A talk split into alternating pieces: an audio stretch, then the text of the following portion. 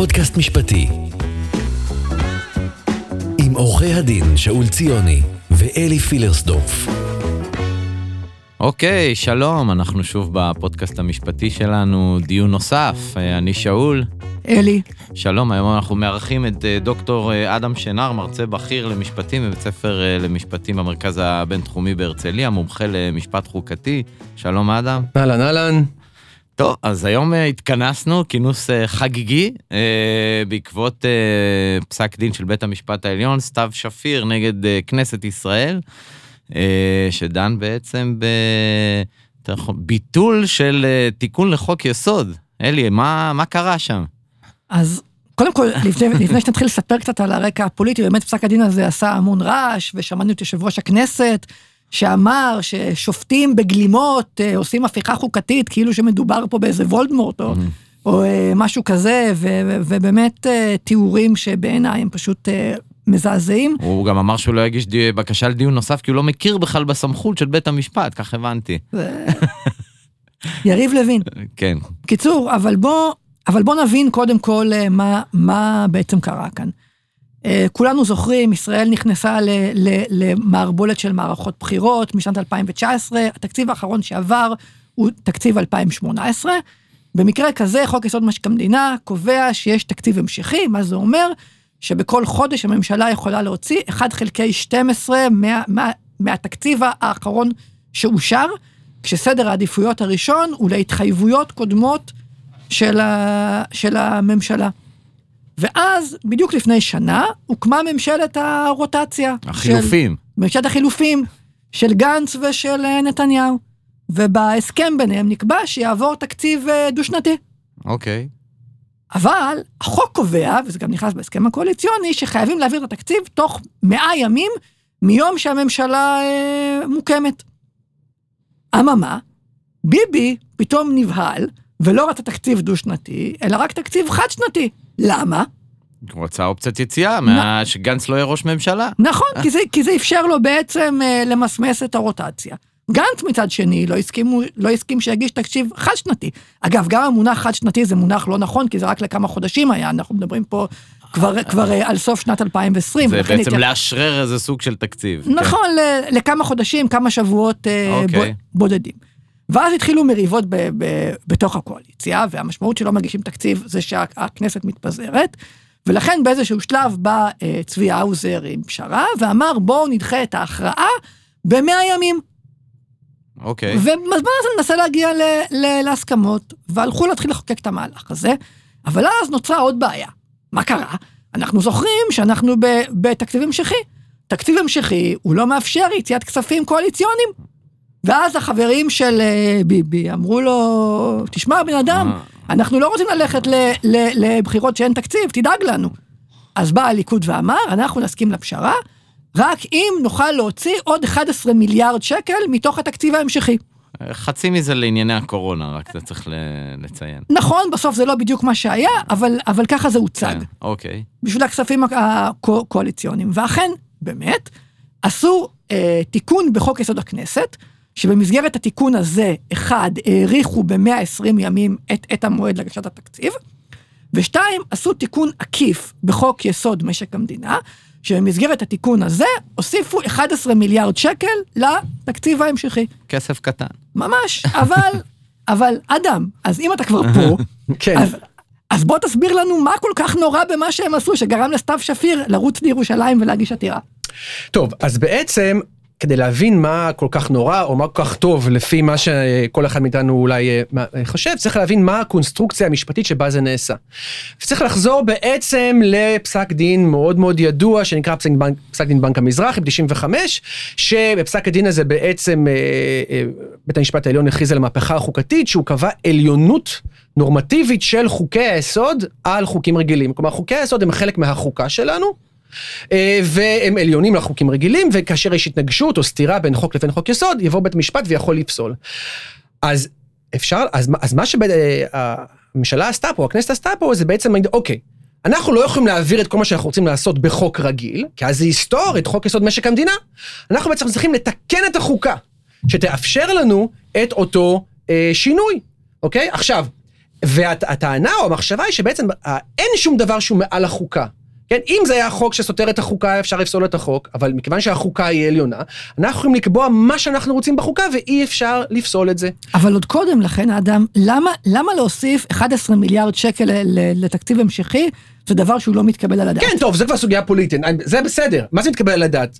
בסדר, זה קרה, אני לא יודע, זה, זה, אני חושב שזה רעיון רע מאוד, אני חושב שזה היה צריך, צריך לעבור תקציב, היה צריך לקיים את ההסכם, כל הדברים האלה. אבל מבחינת הסוגיה המשפטית, מה שעניין את בית המשפט, אני חושב שזה כרגע, או מה שאנחנו בעצם לש- לשמו התכנסנו, זה בעצם, האם זה באמת נכון שאין שום דבר שעומד מעל חוקי היסוד? כלומר, אה, אה, כשאנחנו מחוקקים חוק, אה, חוקי יסוד, הכנסת בעצם מפעילה את מה שנקרא את הסמכות המכוננת שלה, את הסמכות שלה ליצור חוקה.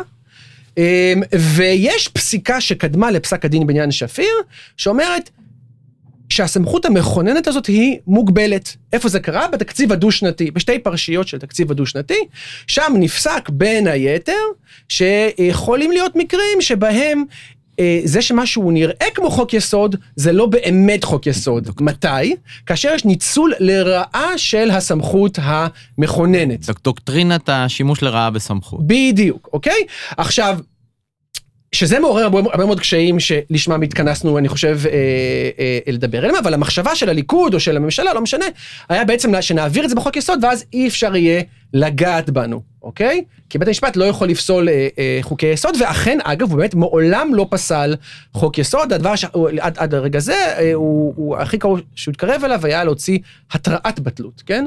במניין של התקציב הדו-שנתי. בעניין של תקציב, הוא אומר, אם תעשו את זה עוד פעם אחת, אז זה היה כבר חמישה תקציבים דו-שנתיים, הוא אמר, אם תעשו כבר שישי, אגב, זה מצחיק, כי בהסכם הקואליציוני באמת היה כתוב הסכם דו תקציב דו-שנתי עוד פעם, אבל אה, אנחנו נבטל את ה... אנחנו אולי, נראה, ככל הנראה, אנחנו נבטל. וזה בעניין... לא, אבל, אבל שם... וזה חסר תקדים, אלי, זה, זה אני חושב שאמרת, למה זה כזה big deal? זה כזה big deal, משום שמצד אחד אומרים, רגע, אם אתה עושה את זה בחוקה, אז אתה אומר, אנחנו חוששים שכל דבר אפשר להכניס לחוקה. עכשיו, למה הבעיה הזאת מתחדדת בישראל? הבעיה הזאת מתחדדת בישראל בגלל אותו בנק המזרחי שאמרתי. בדרך כלל, ברוב המדינות, כאשר רוצים לכונן חוקה או לתקן חוקה, יש הליך שהוא הליך נפרד מהליך וזה- החקיקה. ושונה וקשה. וש- שונה וקשה.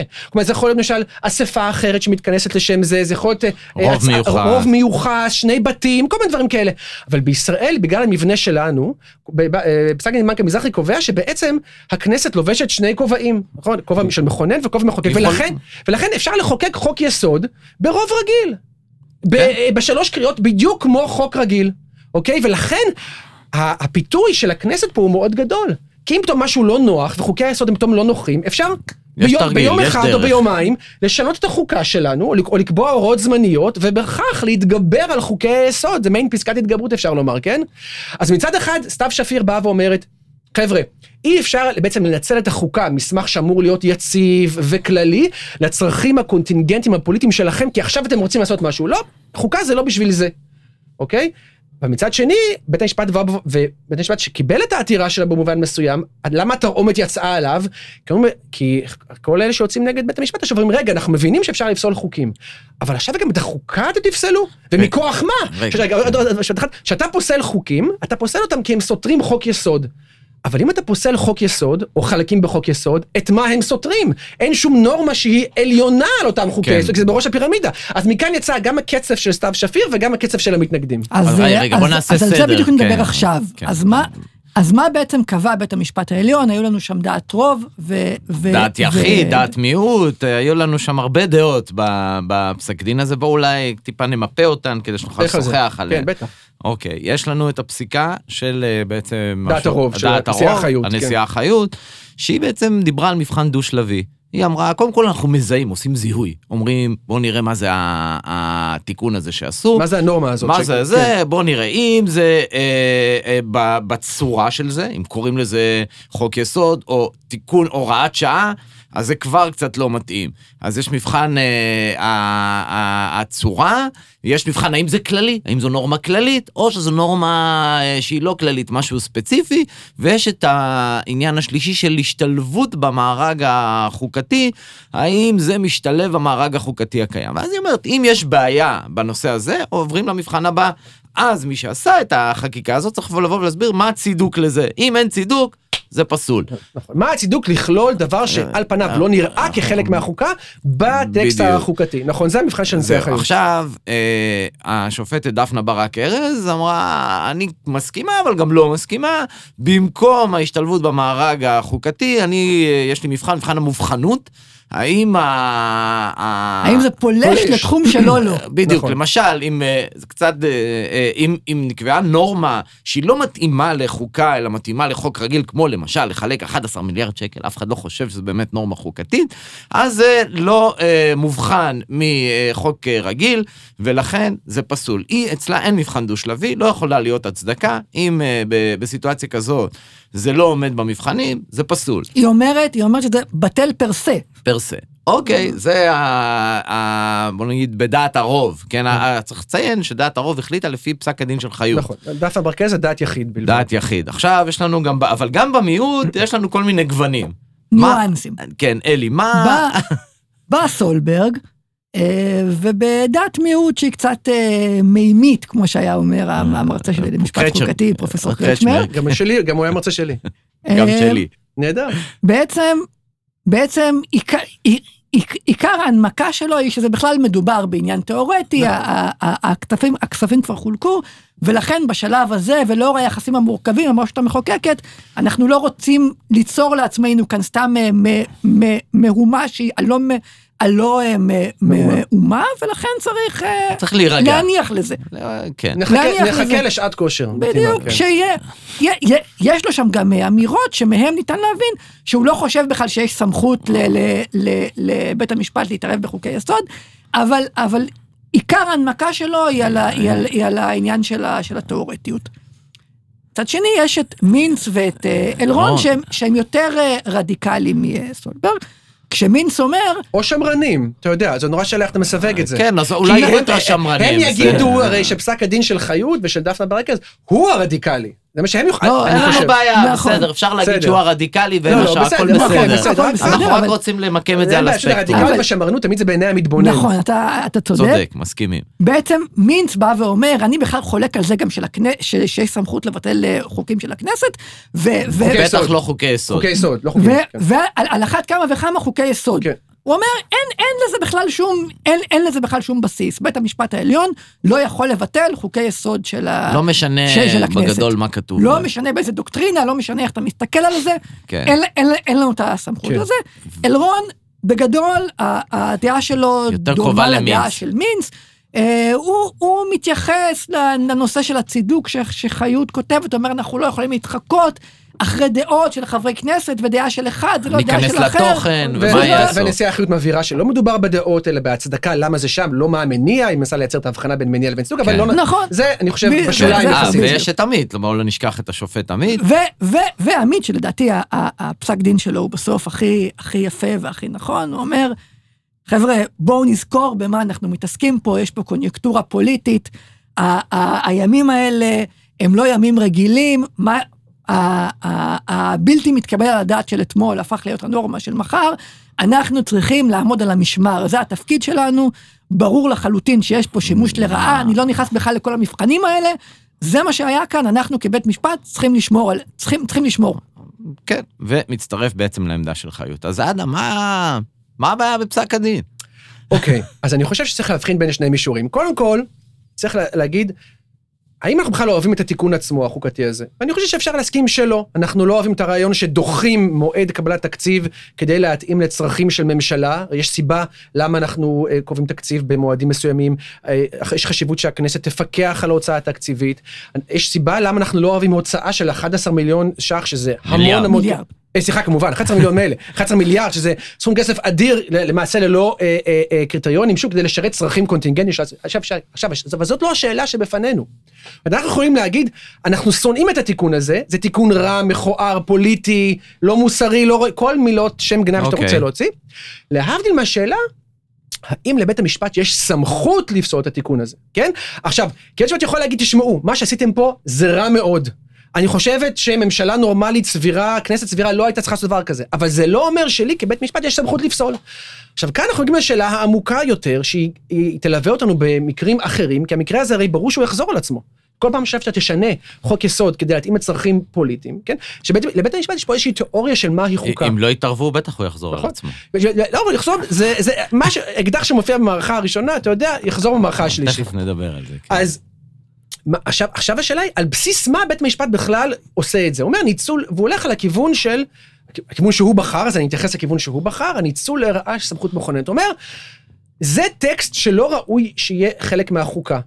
ואז השאלה היא, למה התיאוריה החוקתית של בית המשפט העליון, על מה ראוי ושלא היה ראוי להיכנס לא, לחוקה, אבל- רגע, אה, אתה שאלת אוקיי. אותי מה זה. אוקיי. נכון, ל- למה, ש, למה שזה יקנה לבית המשפט העליון סמכות לפסול חוקי יסוד? עכשיו, אני מבין, ואני תומך גם בביקורת שיפוטית על חקיקה. אני חושב שזה מתחייב גם מחוקי היסוד השונים, אבל אני חושב שזה מצב חסר תקדים.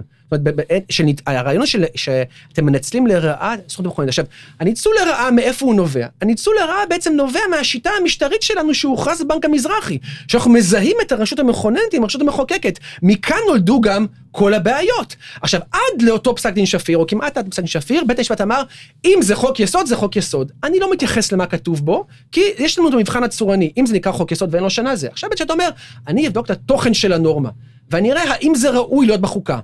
עכשיו, מי מחליט מה ראוי להיות בחוקה? בדרך כלל, העם.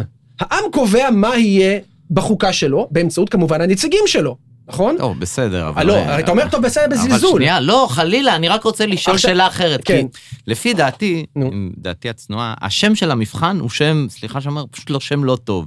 כי בעצם מה שהמבחן הזה אומר, הוא אומר משהו אחר, הוא אומר, הכנסת חרגה מהסמכות שלה. מה שהיא עשתה, זה לא חוק יסוד. סבבה, אז אני אשאל אותך... אז- אז היא אומרת, אז- אז אז- בוא. אבל אז מאיפה הסמכות שנייה, לא, אז- אני רוצה לעצור אותך כאן כי זאת השאלה החשובה. אתה אומר, הכנסת חרגה מהסמכות. אני שלימדתי משפט מנהלי הרבה מאוד שנים, כן. ואני תמיד אמרתי לסטודנטים שלי, הרשות המינהלית עשתה משהו, בוא נראה אם היא מוסמכת לעשות את זה, בוא כן. נבדוק את החוק המסמיך. ואתה אומר לי, הכנסת חרגה מסמכותה. זה אז בעצם מה שאומר בית המשפט. סבבה, לא, כן. זה מה שאתה אמרת. אז בוא, אה, תסביר לי מהי הסמכות של הכנסת, איפה כתוב מה הסמכות של הכנסת, ותסביר לי איפה היא חרגה מחוק מסמיך. אוקיי, בסדר, שנייה. תראה, אם אנחנו מכירים בזה שלכנסת יש שני כובעים, סמכות מחוקקת וסמכות מכוננת, אז אנחנו מכירים בזה שיש לה שתי סמכויות שונות. נכון. יפה. אנחנו גם, נראה לי, יכולים להסכים שכל סמכות מוגבלת לנושא שלה. אם זה סמכות מחוקקת, אז אתה מוגבל בסמכות המחוקקת לחוקק. חוקים. לא, לא. לא, לא. בסמכות המחוקקת הרגילה. רגע, לא, רגע. אני מסכים איתך, בזכות המחוקקת אתה מוגבל בסד החוקתי. זאת אומרת, הרמה החוקתית מגבילה את הסמכות שלך כן, המחוקקת. בסדר, אוקיי. ה- בכובע שאתה שם, כל כובע יש לו את הסמכויות שלו. כובע חוקי רגיל, זה אתה יכול לחוקק חוקים רגילים. אתה לובש עכשיו את הכובע החוקתי, אתה עכשיו יכול... אה, אה, ומאיפה מג- מגיעה המגבלה על אז המכוננת? אז שנייה, לשיטתך. אתה בא ו... אז אני אומר, אם החלטת שזה הכובע שאתה חובש, הכובע החוקתי, אוקיי, גם הכובע הזה, יש לו סמכויות מסוימות. הרי כי אם תגיד שהכוח הזה הוא לא מוגבל, אז הוא, אז הוא כבר לא אז אני כובע ש- חוקתי, הוא סבבה. כובע- הוא כובע לא אני, מוגבל. אז אני זורם איתך, אז תסביר לי בבקשה איפה מפורטות המגבלות על הסמכות המכוננת. אז דפנה ברק ארז, אגב, בפסק דין שלה מתייחסת לזה, והיא מתייחסת ל, ל, לפשרת הררי, ומפשרת הררי היא לומדת את, ה, את הסמכות. אבל זה לא יכול להיות. אני מסכים, אני הררי- מסכים שזה לא, בעיה. לא, פשרת זה לא הררי זה. איזושהי אמירה. פשרת הררי היא אפילו לא חוק, נכון. זה החלטה של הכנסת. ברור נכון. שחוק יסוד ברמה הנורמטיבית זה- גובר על זה החלטה אנחנו פנימית של הכנסת. מסכימים. אז נכון. תסביר, אז אני אז חוזר אליך. הנמקה לא טובה אז שזה אני חוזר החלטה אליך, עזוב פסק הדין. מעצם, רגע, שנייה, אני אשאל אותך? אחרת. לא, ואני אשאל אני, אותך. אני עונה. לך, אם אתה חושב שיש סמכות מכונן, אם יש דבר כזה, כן. ברור שיש לה גבולות. למה? אין לה גבולות. אני שואל אותך מאיפה, אז כי, תסביר לי. כי זה הרעיון של, כי זה הרעיון של סמכות, היא תמיד מוגבלת, אין סמכות לא מוגבלת. למה? יש סמכות לא אז- מוגבלת. אז תסביר, אז אתה שואל השאל- שאלה רטורית, אז אז אז אז אז אני זורם איתך. מעצם היותה של סמכות, היא מוגבלת. אז אין, מה- אז מה אין ההגבלה? גוף, אין גוף, איפה- אז- אז- אלא אם כן אנחנו חיים בדיקטטורה. אז תסביר לי, אז תסביר לי, אז תסביר לי מאיפה מג- איפה אתה רואה זה כתוב. זה לא כתוב. אוקיי, אז זה מאיפה לא זה כתוב. מגיע? גם לא כתוב, אגב, שיש סמכות מכוננת. גם זה לא כתוב, ולהבדיל מסמכות מחוקקת. אבל בסופו של דבר אנחנו צריכים גם להיות הגיונים. יש למשפט גם יש היגיון. אם החליטו שהולכים על שיטה של סמכות מחוקקת, סמכות מכוננת, בסדר, אתה יודע, זה כבר בנק המזרחי עברו כבר, לא יודע מה, 30 שנה, לא יודע כמה זמן. אם קיבלנו את זה, אנחנו חייבים קודם כל להסכים שכל סמכות כזו, יש לה את התחום שלה. עכשיו, אם פה, היא- אבל, שנייה, אבל חייבים להסכים קודם שיש תחום. רגע. לא משנה מי יקבע אותו, אבל הוא חייב לא, להיות זה תחום. מאוד משנה. זה מאוד מאוד משנה מי יקבע אותו, וזה מאוד משנה מה הגבולות האלה. כי כמו שאתה עכשיו אתה אמרת, עכשיו אני זורם איתך, אתה אמרת, הסמכות המכוננת היא מוגבלת, אבל אתה אמרת לי, המגבלות הן בעצם לא כתובות משום מקום, נכון. ולכן יהיה לנו ויכוח מאוד מאוד גדול. נכון. אוקיי, ועכשיו השאלה היא איך אנחנו בכלל מכריעים בוויכוח הזה, אוקיי. ואיזה מוסד מקבל את, את הזכות להכריע ועל. בסיס מה. ועכשיו, אוקיי. עכשיו רגע, עכשיו זה, למה זה דומה? זה דומה לשנה א' משפטים שלמדנו על הוויכוח בין משפט הטבע לבין פוזיטיביזם, כן? משפט הטבע, לא, יש עקרונות שם בטבע שקיימים, שאם ה- אם, אם החוק מפר את משפט הטבע, הוא לא, זה לא חוק, זה לא... זה לא מה שאמרתי. זה אנלוגי, זה לא לא. גם האנלוגיה לא נכונה. למה? למה? כי אני אומר כזה דבר, אם אתה באמת מכיר בשני הכובעים האלה, אתה כפועל יוצא מזה, כל סמכות יש לה את התחום שלה. אני מסכים איתך, אז, אבל... אז אתה לא אבל יכול אז- להגיד לי, אז אתה לא יכול, התשובה לא יכולה להיות, תשמע, לא כתוב בשום מקום מה בדיוק כוללת הסמכות המכוננת, מכך אני למד שאין מגבלות לא, לסמכות אני, המכוננת. להפך, אני, אני דווקא רוצה ללכת איתך בכיוון שלך, ואני מבקש שאתה תתווה לי עכשיו, ברחל בתך הקטנה, מה הם המגבלות לזכות המכוננת. עכשיו, אני חושב שאתה אתה, אני- אני אתה רוצה מהר מאוד... שקודם אתה- נסכים אתה- שיש לא, אבל אתה- מגבלות. אתה מהר מאוד תגיע לבעיה דמוקרטית מאוד מאוד קשה. בסדר, כן? אבל שנייה, אבל כל ולכן- נסכים ו- שיש שנייה, מגבלה. רגע, שנייה רגע, ולכן התרעומת. עכשיו, מה, החבר'ה שמתנגדים לפסק דין שפיר, הם לא באים ואומרים בהכרח, אין מגבלות הסמכות המכוננת. מה הם באים ואומרים? הם באים ואומרים, גם אם יש מגבלות הסמכות המכוננת, זה לא הק- לבית המשפט. הכנסת היא זו, כן. בתור נציגת העם, כן. שקובעת את, את, את, איפה? את המגבלות. איפה נו, המגבלות האלה קבועות? לשיטתם. לשיטתם של המתנגדים ב- לפסק הדין. ב- הם- אני אשאל הם אותם. נקבעות, הן נקבעות בהסכם שיש בין הבוחרים לבין... איפה ה- ההסכם? איזה הסכם? לא, אז אין מגבלות. ולכן, ולכן, אם הבוחרים לא מרוצים לא. מהעבודה החוקתית, אה, באמת? הם יחליפו. אה, כן, זו התשובה. זו התשובה שהם נותנים. זו תשובה לא אבל טובה, בואו עם כל רגע. הכבוד. אבל בואו נתקדם רגע. בואו נחזור לדוקטרינה הזאת של לא, של שנייה, ה- רגע, רגע, של לא, לפני השימוש זה, רגע, אני לרעה. רוצה לענות, אתה אומר לי, תשמע, הם אומרים את הדבר הבא, אם אנחנו נחרוג מהסמכות המכוננת שלנו, כן. אוקיי? אז יבוא העם ויחליף אותנו, נכון? זו התשובה. זאת אחת מהתשובות, כן. לא יודע, זה מה שאני הבנתי שזו התשובה. אז זו התשובה, אומרים, קודם אנחנו נפר, נחרוג מהסמכות, ואז אולי, או אולי לא דרך אגב, כי העם כשהוא מצביע הוא שוקל הרבה שיקולים, הוא לא שוקל רק עכשיו אם הכנסת חרגה מהסמכות המכוננת שלה, נכון, זה נכון? פתרון מאוד לא טוב. אה, אז כן, אז וגם איך נבטיח, אז קודם יחרגו ואחר כך אולי או לא אולי או תהיה סנקציה? אבל הבעיה היא שנייה, אתה מבין הבעיה- גם תשובה לא כן, טובה. אין כאן תשובות טובות, אבל הבעיה היא שמבחינה אנליטית נקרא לזה ככה, או פורמליסטית, אם אנחנו באמת חושבים שהחוקה היא המסמך העליון שמסדיר את הכל, ושכל האורגנים במדינה שואבים את הסמכות שלהם מהחוקה, אז פתאום עכשיו, מאיפה אתה מקריץ את הדבר הזה מעל, אתה מבין? וגם השאלה היא, מי המוסד שמזהה ועל בסיס מה הוא מזהה? כי המבחנים שמצ... שמציע בית המשפט הם מבחנים שיש בהם קושי. זה אני מסכים. אז בואו אה, נדבר אה, רגע על, ה- על, על הדוקטרינה הזאת של, ה, של השימוש לרעה ב- בסמכות. קודם כל, זו דוקטרינה שבכלל מקובלת ב, ב, בעולם, יש לא. לזה איזושהי מקבילה? לא. יש, עכשיו, יש בעולם מקומות שבהם תיקונים חוקתיים יכולים להיפסל. בגדול בשני מקרים. מתי?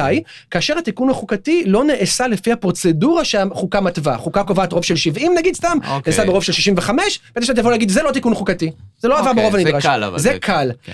יש גם את... את- מה לגבי מהות? יש, זהו, ויש דוקטרינה אחרת שהיא יותר מהותית, שנקראת תיקון חוקתי לא חוקתי, אוקיי? אוקיי. באמת הקולגה שלי במרכז הבינתחומי, פרופסור יניב רוזנאי, כתב על זה ספר, והוא באמת אה, אוקיי. אוטוריטה בינלאומית לדבר הזה, הוא אומר, והדוקטרינה הזאת אומרת, אם התיקון החוקתי באמת פוגע בעקרונות יסוד של המשטר, הגרעיניים, אוקיי. הליבה שלהם, אז זה, אה, סותר- וזה סותר את המבנה החוקתי אוקיי. שלנו, כן? אז אנחנו אה, נפסול את זה. מי יפסול את זה?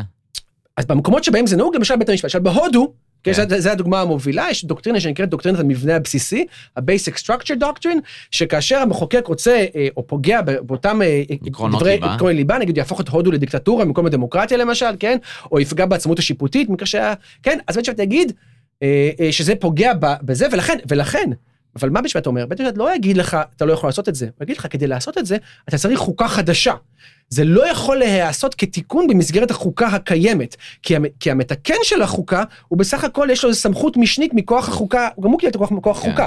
אז אתה רוצה לפגוע בעצמאות השיפוטית, תעשה את זה. אז תבטל את החוקה של הודו, תעשה חוקה חדשה וזה. ו- כלומר, ואם יעשו לא חוקה מגביל- חדשה כזו, אז יהיה בסדר? כן, כי הוא- הסמכות של, לפי, לפי, כן, אתה יודע לפי למה הוא אומר המשפט, שזה יהיה כן? כי יודעים שזה לא יקרה. אבל עכשיו, אבל עזוב אותך את השיקול הפוליטי, עכשיו אני מדבר לך מבחינה אנליטית, בסדר? תיאורטית. כי הרעיון הוא שגם בית המשפט בהודו, שהסמכות הראשונית של העם, של כן. המדינה, של החברה, זה באמת ליצור לעצמנו את הכללים שאנחנו רוצים לחיות לאורם. אז- זה הרעיון אז. למה אי אפשר היה ליישם את זה כאן? משום שכאן אין כאן פגיעה בלי- בליבה. אוקיי, כלומר, אם עכשיו, אה, למה, למה בית המשפט לא הלך לכיוון הזה? נניח שבית, שהמחוקק עכשיו היה מחליט, ישראל מהיום היא לא מדינה דמוקרטית, היא רק מדינה יהודית. כן, כן, נגיד למשל. או למשל, אני עכשיו רוצה לשלול זכות... הערבים הם זכות, אה, אה, אה, יש להם, לא יודע, הם אזרחים סוג ב'. נגיד חוק לאום יותר קיצוני. הם ערבים למשל, נגיד למשל, אזרחי ישראל הפלסטינים למשל, לא יכולים עכשיו להצביע בבחירות, נגיד משהו כזה. נניח. בית המשפט, אני חושב שבמקרה הזה, הוא היה הולך באמת לכיוון הזה של זה פוגע בליבה של הדמוקרטיה. אבל הוא לא היה אומר, אבל אם אתם רוצים, תבטלו את כל חוקי היסוד, ואז יהיה בסדר. אני לא יודע מה הוא היה אומר, בסדר? אבל, אבל, אה, הוא לא, זה, זה הכיוון שהיה הולך. אבל מה שקרה כאן זה בעצם חלוקה של 11 מיליון ש"ח, שאתה יכול להגיד... מיליארד, מיליארד. אה, אוף, למה כל זה חוזר? סליחה. אני, אני, לא- אני לא רגיל למספרים כאלה גדולים. חלוקה של 11 מיליארד ש"ח. נעביר לך לחשבון. לא, זה היה שווה לבוא.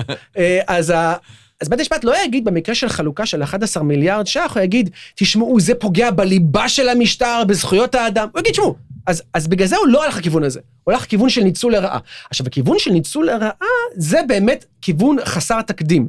במובן הזה שאני לא מכיר, אבל שוב, אני לא עשיתי את המחקר המעמיק, כן. אני לא מכיר בית משפט מדינתי שפסל תיקון חוקתי על בסיס הרעיון של ניצול אוקיי, לרעה, אבל- להבדיל מדוקטרינות אחרות. אתה מכיר אבל אה, אה, מדינות דמוקרטיות שהפרלמנט יש לו גם סמכות אה, אה, לחקיקה רגילה וגם סמכות מכוננת רגילה כמו אצלנו? הפרלמנט של שואל- הודו יכול לעשות תיקון חוקתי. ברוב רגיל כמו אצלנו?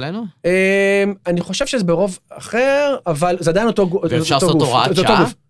כן, יש, יש הרבה מאוד חוקות, אם, אם, יש, יש אפילו מאמר אה, כזה שנקרא temporary constitutions של אוזן ורול, אה, שמראה שיש דבר כזה חוקות זמניות, או חוקות עם תניות זמניות. אני לך את המקרה הכי מפורסם, שאתם אולי אפילו לא זוכרים אותו, אה, כי לא חושבים עליו, למשל, הסחר בעבדים בארצות הברית. כן. החוקה האמריקאית מתייחסת לסחר בעבדים בצורה עקיפה, וקובעת בחוקה שהיבוא של עבדים או יבוא של אנשים בעצם ייפסק בשנת 1808.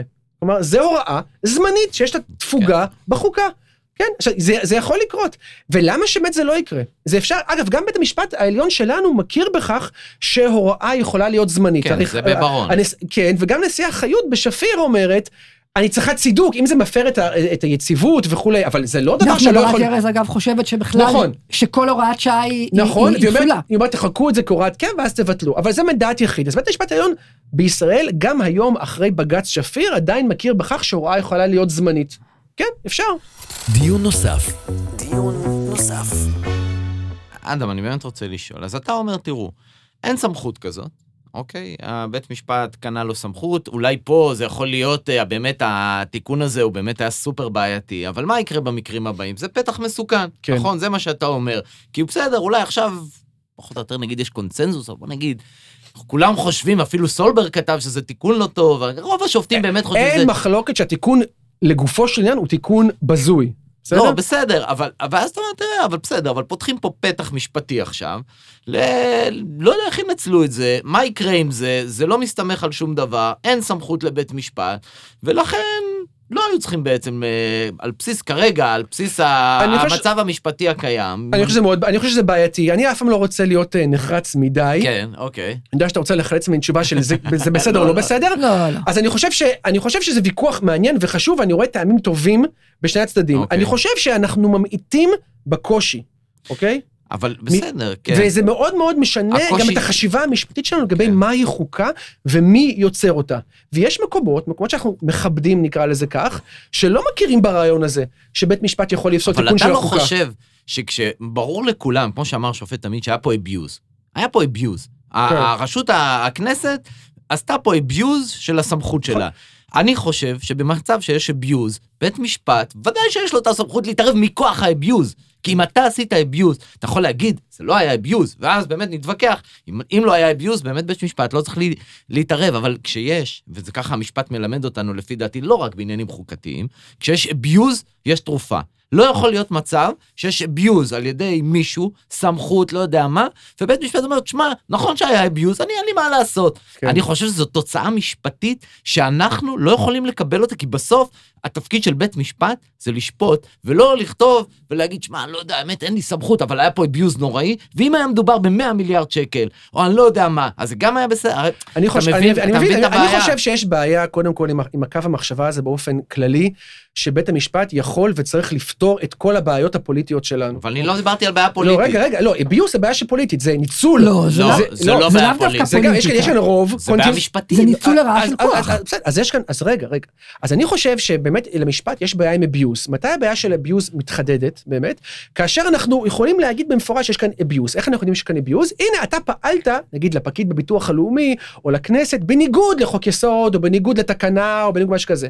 ולכן, הש- ועכשיו, אנחנו עד לפסק דין שפיר, או עד לשנים, עד לעשור האחרון, חשבנו שבעצם, לא, האביוז נגמר כאן. כלומר, שבגלל הקושי שלנו להתוות את הגבולות של הזכות המכוננת, אנחנו נוכל למצוא את עצמנו בוויכוח מתמיד לגבי מהו האביוס. אבל אין ברירה.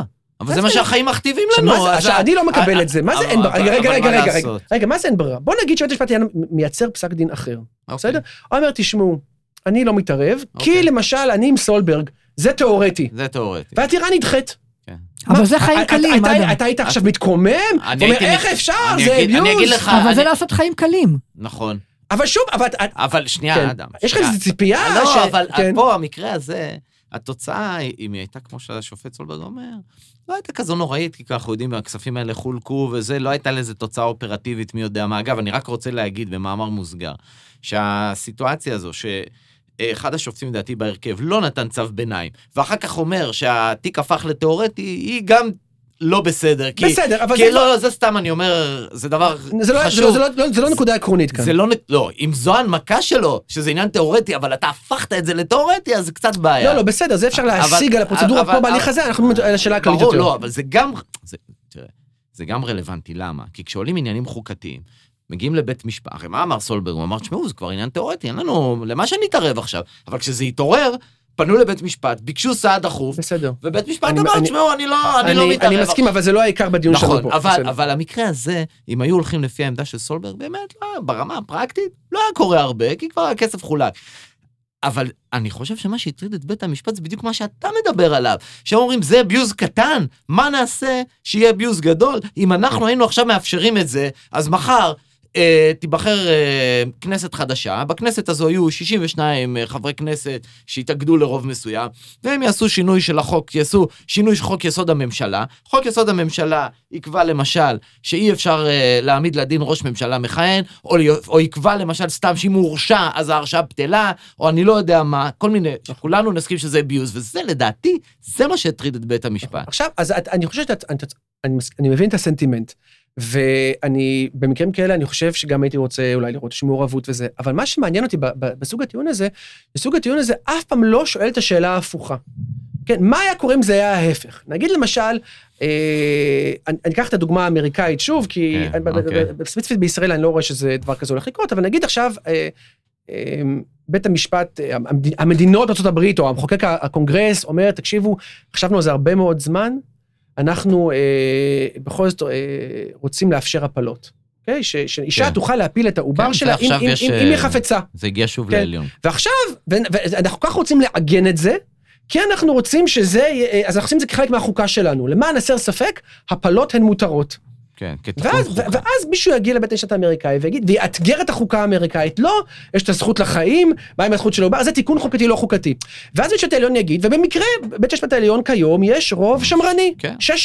כן. בית המשפט העליון יגיד, לא, זכויות העובר גוברות. כן. זאת אומרת, מה שאני מנסה לומר, אבל שם יש פרוצדורה מטורפת רגע, רגע, בשביל רגע, לשנות רגע, חוקה. רגע, רגע, לא, רגע, לא, רגע, רגע, בעיה. רגע, רגע, רגע, תן קצת, מה שאני רוצה להגיד בדוגמה הכאילו מופרכת שלי, היא שלפעמים הפגיעה בזכויות יכולה גם להגיע מבית המשפט. אני מסכים. ואז השאלה של מהו ה trade-off, אז- אתה אומר, איך יכול להיות שהכנסת אז תעשה דבר יש לי כזה? תשובה לזה. כן, מה התשובה לזה? התשובה לזה, נמנה שבה- שופטים אחרים? ש- כן, תראה, גם בישראל וגם בארצות הברית, בסופו של דבר, אפשר להחליף את השופטים, אפשר אפילו בארצות הברית מדברים עכשיו על הגדלת בית המשפט העליון כדי, כדי, כדי... כדי להתגבר על הרוב השמרני. הרוב יש בחירות. כל שנה וחצי, אה, אפשר להחליף את הח"כים. לא, שנייה. אפשר אה, להחליף את העם, זה הכי טוב. תראה, בסופו של דבר, בתי המשפט, זה כאילו, אם נסתכל על טווח הזמן, הרשות המבצעת היא נבחרת לאיזושהי תקופה מסוימת, ארבע שנים, חמש שנים. המחוקקת, המבצעת. לא משנה, המחוקק, כן. אצלנו בישראל זה אותו דבר. אנחנו בוחרים מחוקקת. כתוצאה מזה קמה גם הרשות אוקיי. המבצעת.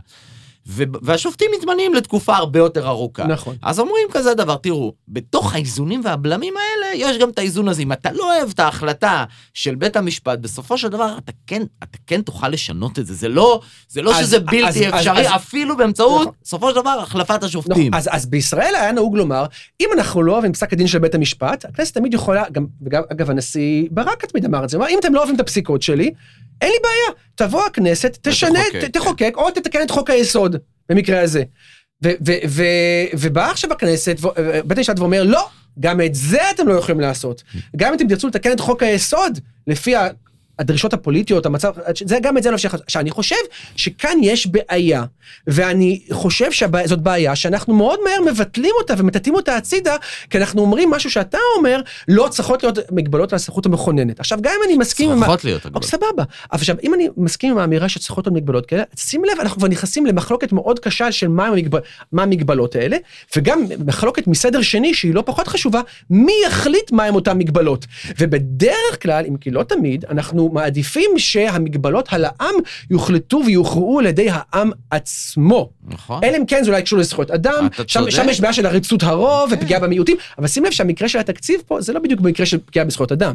לכן, לכן אני חושב שהפסק דין הזה הוא באמת רק פריוויו לקראת, ה, לקראת הוויכוח האמיתי שיהיה, שהוא על, על פסילת אה, תיקון חוקתי שהוא לא חוקתי. אני מניח שהשופטים יידרשו לזה בסיפור של אה, חוק הלאום. בחוק, ה- כן, עכשיו, חוק הלאום אי אפשר יהיה לומר, הם לא יפסלו את, את, את, את חוק הלאום, אבל אין ספק שתהיה. שם, אפס. אבל, אבל אין ספק שתהיה שם דיסרטציה על כל הסיפור של תיקון חוקתי שהוא לא חוקתי. נכון, כי גם אי אפשר, את חוק, את, את חוק הלאום אי אפשר לבסס על ניצול לרעה. נכון. כן, לא, כי זה היה תהליך מסודר מסכים. ודיליברטיבי וארוך, וזה לא לא, זמני. זה אולי פה הדוקטרינה שמי שירצה אולי להניח את התשתית לביטול של... זה הבנק כן. המזרחי לא, הבא. זה רוזנאי, זה זה מה שאמרת. העתירות ב- נגד חוק יסוד הלאום באמת התמקדו בהיבט הזה של תיקון, של פוגע בליבה, בשוויון נכון. אה, וכו'. אני חושב שהעתירות האלה הם לא הצליחו, אבל זה באמת סוגיה אחרת. אחרת. כן. לא, לא, לא יצליחו מבחינת הביטול של חוק הלאום, אבל יכול להיות שזה יהיה סוג של בנק המזרחי מבחינת אגב, הדיסרטציה שלו. כן, על פניו, אבל נראה לי שכדי לפסול חוק יסוד בטענה הזאת של תיקון חוקתי לא חוקתי, זה צריך להיות משהו מאוד מאוד קיצוני, יותר קיצוני ממה שחוק יסוד לא, הלאום אל- מה קובע. שאלי אומר, אני אלי מסכים אומר... שהחוק לא ייפסל. אלי אומר כן. בתוצאה לא יפסלו, אבל אולי יהיו חלק מהשופטים כבר יניחו את היסודות, יכול להיות. מבחינה עיונית, נכון. לדוקטרינה של וכבר, פסילת... וכבר היו אה, רמיזות, בפסק דין בן מאיר שעסק בחוק ההדחה, גם כן כבר היו אה, אה, רמיזות לזה. גם בפסק דין. הזה, דפנה ברק ארז אומרת שהדוקטרינה של, אה, של פסילת אה, תיקון לא חוקתי, היא, לק- אה, היא, בצד אגב, ה- הדוקטרינה אבל של רגע, רגע, רגע, יש לי עוד ה- נקודה. גם יכולה גם חפיפה, יכול להיות מקרה שבו משהו גם פוגע בעקרונות המשטר, וגם הוא ניצול לרעה של סמכות מכוננת, כלומר זה נכון, לא זה זה לא כן. בהכרח אבל נפרד. אני חושב שיש עוד שתי נקודות בפסק הדין שלא דיברנו עליהן, אוקיי. שלדעתי הן כן חשובות. אחת, התיקון הזה, מה שהוא עשה, ואולי לטיעון הזה יכול להיות שאתה יותר תתחבר, הוא בעצם פירק את הכנסת מהסמכות שלה לפקח על התקציב. ואני חושב שזה דבר מאוד מאוד בעייתי, זאת אומרת, אנחנו... כאן אתה בעצם נכנס לדעה של אה, השופטת דפנה ברק ארז, של הפלישה לרשות אחרת. זה לא, לא, לא פלישה, כמו שבעצם הכנסת במסגרת כן. הכובעים, היא כאילו פטרה את עצמה מכובע אחר שהיא צריכה לח- לחרוז בו כל הזמן. וזה גם שאלה, במסגרת, הרי מצד אחד, כל הזמן דיברנו על הגבלת הסמכויות, אבל מצד שני, על, יש גם בעיה שאתה נפטר מסמכות. אתה אומר, תשמע, אני בעצם לא מפקח יותר על מתפרק התקציב, אני מתפרק נכון, מהסמכות שלי. נכון. זה גם דבר מאוד מאוד בעייתי, נכון. שבה הרשות... זה לא ול- סתם רשות, ולכן- כן. ולכן אני התחלתי את דבריי ואמרתי שהחוק היסוד הזה הוא גרוע. לא, אבל השאלה שלי היא, היא, היא כזאת. האם זה, האם, האם זה האם יכול להיות סיבה נימוק? להתערבות? האם, זה- האם זה כשלבדו היה יכול להיות נימוק להתערבות? אתה יודע מה? יכול להיות שאפשר לעשות תיקון אה, בהוראת שעה, יכול להיות שזה, הכל יכול להיות. הכנסת אבל לא יכולה להתפרק מהסמכות שלה. אתם, ככנסת, חייבים לפקח על, ה, על התקציב. אין דבר כזה שאתם, בכובע השני שאתם אוחזים, תפטרו את עצמכם מהכובע הראשון. אז תראה, אז, אז, אז, באמת, אז כאן השאלה היא, קודם כל שזו טענה מעניינת מאוד, והיא תוליד ויכוח לגבי מהו התפקיד של הכנסת, ועד כמה הכנסת יכולה להגיד כרגע אני עושה פוס. כן? כלומר, אה, הרי הכנסת לא התפרקה לנצח, היא התפרקה לגבי 11 אה, אה, מיליארד, שאגב כבר היה מנגנון קיים שנקרא התקציב ההמשכי, שהוא היה קיים ואיתו לא הייתה שום בעיה. כן, כן, כלומר, כי- חוקתית, כן. כבר- אז, אז גם, אז אה, גם לתאר את זה כהתפרקות טוטאלית, אני לא בטוח שזה אבל- מונח אה, נכון. בסדר, אבל השאלה הזו אני- יכולה להתעורר בעוד מקרים. נכון. אפילו שהממשלה, צורך, הרי אצלנו, ב- לפי השיטה שלנו, הממשלה היא, היא גוף בפני עצמו. למשל, לפי מה שאני זוכר, רק הממשלה יכולה להכריז על מלחמה או כל מיני דברים כאלה. תאר לך שעושים חוק יסוד שבעצם מפרק את הממשלה מהסמכויות שלה, ובאמת עוברים לאיזה סוג של דיקטטורה. לא דיקטטורה, אבל שלטון יחידני בעצם, במובן הזה שהממשלה כגוף היא חדלה להתקיים. אני חושב שהדברים האלה של התפרקות, אותי, אגב, זה אפילו יותר מטריד מהתיקונים האלה, זה העניין של ההתפרקות מסמכויות. זה דבר מאוד מאוד מטריד. אוקיי, ונגיד העם רוצה, העם, נגיד, עזוב, נגיד כן. העם, עושים פה משאל עם ו-constitutional convention, כן. ומחליט, תשמעו, הקונסטרוקציה הזאת של מלחמה לא נראית לנו, אנחנו לא רוצים שלממשלה תהיה סמכות להכריז על מלחמה, כי סתם, כי זה הרבה אנשים וזה, אנחנו רוצים פעולה החלטית יותר ולצמצם את זה אה, וכולי. והעם חשב. אז אתה רואה מצב שבו בית המשפט בא ואומר לעם, כן? עזוב אותך לנתניהו, לעם, כן? אני לא רואה, ואומר, לא. אתם לא יכולים לשנות את סדר קבלת ההחלטות לגבי יציאה למבצע צבאי? אני לא רואה, אבל אני... אבל- ולמה אתה לא רואה? אבל זה לא רואה? המצב. אבל אני, אבל, אני, אבל אני כן חושב שאם יבוא העם ויגיד, אה, לא צריך ממשלה יותר, אוקיי? בעצם עוברים ל... כמו, אתה יודע, כאילו, יש בן אדם אחד, הוא עומד בראש הרשות המבצעת, נגמר הסיפור. אין יותר... אה, כלומר, אתה. אומר, העם לא רשאי לעבור מדמוקרטיה לדיקטטורה, זה מה שאתה אני אומר. חושב, אני חושב, זה קצת אולי, קצת, תראה, זה קצת קשור לתיקונים החוקתיים הלא חוקתיים, אבל אני לא מדבר על זה, אני מדבר על זה שיש מצב ש, ש, שרשות מתפרקת מהסמכויות של זה אותי, דבר שהוא מאוד מטריד, ואנחנו ראינו את זה, אגב, קורה בשנים האחרונות. בהונגריה. ואני גם חושב, אגב, איך הם, התפר... הם התפרקו מהסמכות שלהם, אגב, לא רק בעניין הזה, עצם זה שהכנסת לא העבירה תקציב, הממשלה, יותר נכון, לא העבירה תקציב, הכנסת לא אישרה תקציב וגם לא פיקחה עליו, אפילו 1 חלקי 12 הוא מצב כשלעצמו, אפשר לטעון שהוא לא חוקתי. הזכות שלנו כאזרחים זה שיהיה תקציב במדינת ישראל. בסדר, יש פה עיכוב, שם עיכוב, הכל בסדר, אבל אנחנו בשנת 2021 עם תקציב מ-2018. ברור, זה מצב האם לי נוראי. אין זכות חוקתית כאזרח במדינת ישראל שיהיה תקציב למדינה הזאת? תראה, אני חושב... לא, אני לא, אני, אני לא, זאת אומרת, אני לא מכיר כזאת, בואי ככה, אני לא מכיר כזאת זכות חוקתית שיש לאדם שאומר, אני, יש לי זכות חוקתית שיהיה תקציב שיראה בצורה מסוימת, כן? ש- שיהיה ש- תקציב, שזה- מה זה בצורה? נכון, אין לא, תקציב. הרי יש תקציבים המשכיים, יש איזה... אבל אין תקציב. אני מסכים, אבל אני שוב, משלם מיסים, אין לי אבל- זכות כזאת. אבל אני חושב ש... אני חושב ש... אפילו בוועד הבית יש לי זכות אבל כזאת. מה אתה רוצה, אבל- שזה אבל יהיה אבל שוב, עכשיו, נימוק להתחיל להתערב בכל אני דבר שאין תקציב? לא, אני רוצה להגיד משהו אחר. אני רוצה להגיד שיש גבול לאביוז, וצריך להבין את זה. ו- ואני לא, אבל אני מסכים עם כל הבעיות שאתה מדבר עליהן, אני, מס, אני באמת חושב שזו בעיה, אני חושב שזו בעיה לדבר על הגבולות של הסמכות, זו באמת שאלה, מי יחליט, בית המשפט, הכנסת, וגם איזה קריטריונים הוא יחליט. נכון, הכל נכון, אבל בסוף המקרה דוחק בך, ואתה לא יכול פשוט לא, לא להתייחס אז, אליו. אז אני חושב שצריך להיזכר קצת באמירה הידועה של אוליבר ונדל הולמס, כן? hard cases hard case make, bad law. בסדר. המקרה דוחק, המצב הוא שערורייתי, אבל אנחנו צריכים לא רק להסתכל על פסק דין שפיר, אנחנו צריכים להסתכל על מהי הקונסטרוקציה שאנחנו גם יוצרים פה להבא. אבל הולמס לא התכוון שלא תתערב. זה לא מה שהוא התכוון, או זה לא מה שהוא התכוון במשפט הזה. כל הדברים. אגב, אם כבר הולמס, אם כבר מאמריקה, באמריקה באמת אין התערבות בתיקונים חוקתיים. בסדר, כי בסדר, באמריקה יש שם אה, פרוצדורה בלתי נכון, אפשרית לשנות ולכן, חוקה. ולכן אני זה חושב, לא ולכן. ולכן אנחנו לא- רוצים, לא מסוגלים להתקן שום דבר. ולכן אני חושב שמה שפסק הדין הזה מלמד אותנו, אולי אפילו יותר מכל, זה על כמה המפעל החוקתי, פרופסור ברק, אהרון ברק, אה, דיבר על החוקה הישראלית כחוקה נכה. כן, זה, זה, זה, זה המונח שלו. ואנחנו רואים ש- שכשהבעיות האלה מתחדדות, שפתאום, גם אם זה חוק יסוד, זה לא חוק יסוד, ובית המשפט יקבע מה זה חוק יסוד, אז המפעל החוקתי שלנו הוא בעצם מאוד פריך ומאוד. טלאי. מאוד שברירי. כן. וזאת לא הדרך שבה אנחנו רוצים להתנהל. אני חושב... אז אני חושב שזה מחזק את הרעיון שאנחנו צריכים באמת להסדיר את הסיפור הזה, לעשות חוק יסוד החקיקה, להתייחס לאפשרות הזאת, ול- ולראות מה אנחנו רוצים שיהיה פה. קודם כל, אני, אני, אני מסכים למה שאתה אומר, אבל מה, ש- מה שמטריד אותי בעיקר, וגם שמענו את זה משאול, זה שבשנים האחרונות ישראל עושה צעדים בכיוון של להפוך להונגריה. נכון, אגב, אני גם זאת כתבתי, אומרת, משלטון- אני גם כתבתי על זה מאמר שלם. וזה, ו, ואותי זה מאוד מטריד. וזה, וזה מאוד מטריד, ו, ו, ואני לא הייתי רוצה שבית המשפט במצב יעמוד הזה מנגד. יעמוד מנגד. אני לא הייתי רוצה שיהיה טוב, אין לי. סמכות לזה, אין לי סמכות לזה, אין לי סמכות לזה, ואז אני כבר בהונגריה. אתה יודע מה בהונגריה עשו בין היתר? מה שעשו בהונגריה בין היתר זה פשוט ל- אה, אה, ל- להוריד את גיל הפרישה של השופטים ל-62, ואז הרבה שופטים נאלצו לפרוש. אבל יש כאלה שלא הסכימו לא, לא. לדעתי, לא? היה שם סיפור וזה אחר כך הלך לאיחוד האירופי ואז הם ביטלו את זה אבל עבר עברו כמה שנים. בזכות האיחוד האירופי, לא, אבל, אבל. עברו, אבל עברו כמה שנים כן. בתקופה הזאת ואז הרבה שופטים שכבר פרשו או אולצו לפרוש כבר לא חזרו. כן. אבל אז אפשר לאורבן בעצם לעשות רפורמה בזהות של השופטים. עכשיו הוא עשה עוד הרבה מאוד דברים, הוא גם העביר חוקה חדשה, אה, פידש, המפלגה שלו, כן? אה, והרבה מאוד דברים, אני באמת כתבתי על מאמר שמשווה בין ישראל לבין פולין ובין הונגריה בתחום של חופש הביטוי, באמת צריכים לקרוא אותו. הוא אה, ואני באמת סוג של אידיאל שם בבלפור. אבל אה, תראה. בסדר, ואז בסופו של דבר, לא יהיה כאן שום עניין של אביוס, אתה- מחליף את השופטים, ואז אתה אפילו לא צריך לתקן את החוקה. זה לא אביוז? אז מי, אבל מי יפסוק שזה אביוז? ברגע ש... מי ב- מי ב- יפסוק? בסוף כנראה אבל- שבית אבל- המשפט אבל- האירופי אבל- פסק שזה אבל אביוז. זה במקרה, כי הם נמצאים בקונסטלציה אז שבה יש משהו מגביל. אותם. אבל לנו אין בית משפט אז- אירופי. אז גם נפרס- אז אם- אנחנו אז היינו אם אתה רוצים מחליף- שבית המשפט שלנו אז אם אתה תחליף, יציל אותנו. אז אם אתה, תח- אם- אז זה הבעיה, כמובן, אבל אם אתה תחליף את השופטים בעליון, מה הם בסוף יגידו? אין כאן אביוז. תראה, זה מה שהם יעשו, הרי אם אתה- אם- אם- אם אתה תשיג את השופטים, אז זה- פשוט יהיה, לא לא יהיה כאן אביוז. אני, אני מסכים, הוויכוח הזה הוא באמת, אה, הוא לא פשוט, כי כל, ואני מסכים שכמעט כל האופציות גרועות. זאת אומרת, אין אופציה אחת שהיא טובה, שאני חושב שאני או אתה אומרים, תשמע, זה מצוין, בוא נלך על זה.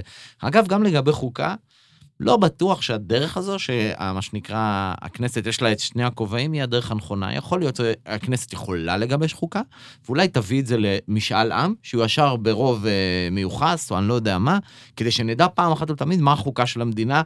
כי גם בנק המזרחי, שבסדר, הוא כבר הפך לאיזה... זה, אבל כולנו יודעים שזה לא, גם זה לא יושב מי יודע מה טוב, גם מבחינה עיונית, חוקתית וכולי וכולי. פשרת הררי הפכה להיות... גם כן. שם היה מיליון אה, דעות של השופטים כן, לגבי אז- הקונסטרוקציה אז, הנכונה. אז יכול להיות, יכול היה פעם דבר כזה חוקה לישראל, כן, רצו לעשות מכיר, כזה מכיר. דבר, אז, אז בסדר, יכול להיות שזה צריך להיות יותר הכיוון מאשר הטלאים המוזרים האלה. אז אני חושב שזה מאוד בעיה להתנהל בתלאים מוזרים. אני רק אגיד אולי לסיכום משהו ככה יותר כללי שלא קשור לפסק הדין הזה. בגלל שאנחנו משפטנים ואנחנו חיים את, ה, את המשפט וזה באמת הלחם והחמאה שלנו, הרבה פעמים אנחנו, אנחנו נוטים להסתכל מתחת לפנס, במובן הזה שאם יש פה איזושהי בעיה, אנחנו מנסים להביא אותה לתוך עולם המשפט ולתפור לה, ואז אתה אומר יש לנו טלאים, וזה הרבה פעמים גם נראה רע ומאולץ, מייצר הרבה מאוד בעיות. בסופו של דבר, במובנים מסוימים לא כל העולם הוא משפט, ולכן יכול להיות שגם צריכים לחשוב על דרכים אחרות, פוליטיות, כן? להתגבר על הבעיות האלה, ולא תמיד לצפות מבית המשפט והשופטים שיצילו אותנו, כי אם אנחנו נצפה, אנחנו גם נחליש יכולות פוליטיות, אבל בסופו של דבר אני חושב גם שהשופטים, בית המשפט יאכזבו אותנו. ואם עכשיו זה, עכשיו היה לנו זמן, הייתי יכול לספר לך על הרבה מאוד מקרים, והרבה מאוד תחומים, שבו, בית- שבו בית. המשפט העליון, לא מאכזב אותי בשיטתיות, בעניינים שקשורים לזכויות אדם, ובשטחים, וכל, והרבה מאוד דברים אחרים. אבל אני גם חושב אבל שמצד שני, גם בסופו של דבר, אנחנו כמשפטנים צריכים להבין שאנחנו עוסקים במציאות. אנחנו לא עוסקים עכשיו, אנחנו לא מומחים ללוגיקה. אני מהאקדמיה, מה- אני לא, פטור. גם האקדמיה, אבל בסוף היא, היא, היא עושה... יש לך פריבילגיה יש לך גדולה. זה, אבל לא, בסוף, בסוף, התפקיד של השופטים הוא לשפוט את, המת, את מה שיש. ברור. ו- ואני, אותי בסוף מטריד המצב הזה של אה, אה, כוח בלי מגבלה. אני מסכים. אז זה מאוד מטריד אותי. גם אותי זה מטריד. זה מאוד מטריד אותי, ו- ואם המחיר הוא הדברים שאתה מדבר עליהם, אז אני מוכן לב- לשלם אבל אותו. שים לב שגם, אם, אם מה שמטריד אותך זה כוח בלי מגבלה, בסופו של דבר קיים מישהו או משהו שלא יהיה עליו מגבלה. בסדר. זה, במקרה הזה בית המשפט. אם בית המשפט קובע, אבל כן, קובע שמה מה הגבולות של אבל מה הסמכות, יותר מסוכן? מי, מי, מי מגביל את בית המשפט? בסדר, זה, מי, זה כמו מי ישמור על השומרים, בסוף צריך שיהיה מישהו אז יש- שהוא השומר. אז נכון, אז, אז, אז, אז, אז, אז את- לא פותר את עצמך בשאלה אנחנו שצריך חוזרים גבולות. שוב לתחילת הדיון. עכשיו, כן, מי- אבל מי מי- יותר מסוכן זאת שאלה מאוד מאוד חשובה וגם שאלה אמפירית שאין לנו זמן כן, להתייחס נכון. אה, אה, להתייחס אליה, אבל אני לא בטוח שכל הדיון שלנו צריך להתמקד בניתוח של השאלה מה יותר מסוכן, אלא גם מה יותר ראוי כהסדר נכון, חוקתי. בסדר, אבל... ו- וזה מה שניסינו, אני חושב, קצת לעשות פה. כן. תודה בדיון הזה. רבה, אדם. היה אדם היה. מרתק, יופי, תודה היה כיף. שבאת. אה, אפשר אה, אה, להאזין לפודקאסט שלנו בספוטיפיי, בחנויות של גוגל ואפל, אפשר לשלוח לנו שאלות לאתר www.zpilon.co.il. תודה אלי, תודה אדם. תודה לך. היה מרתק. ביי ביי. ביי. דיון נוסף. דיון נוסף. פודקאסט משפטי. עם עורכי הדין שאול ציוני ואלי פילרסדורף.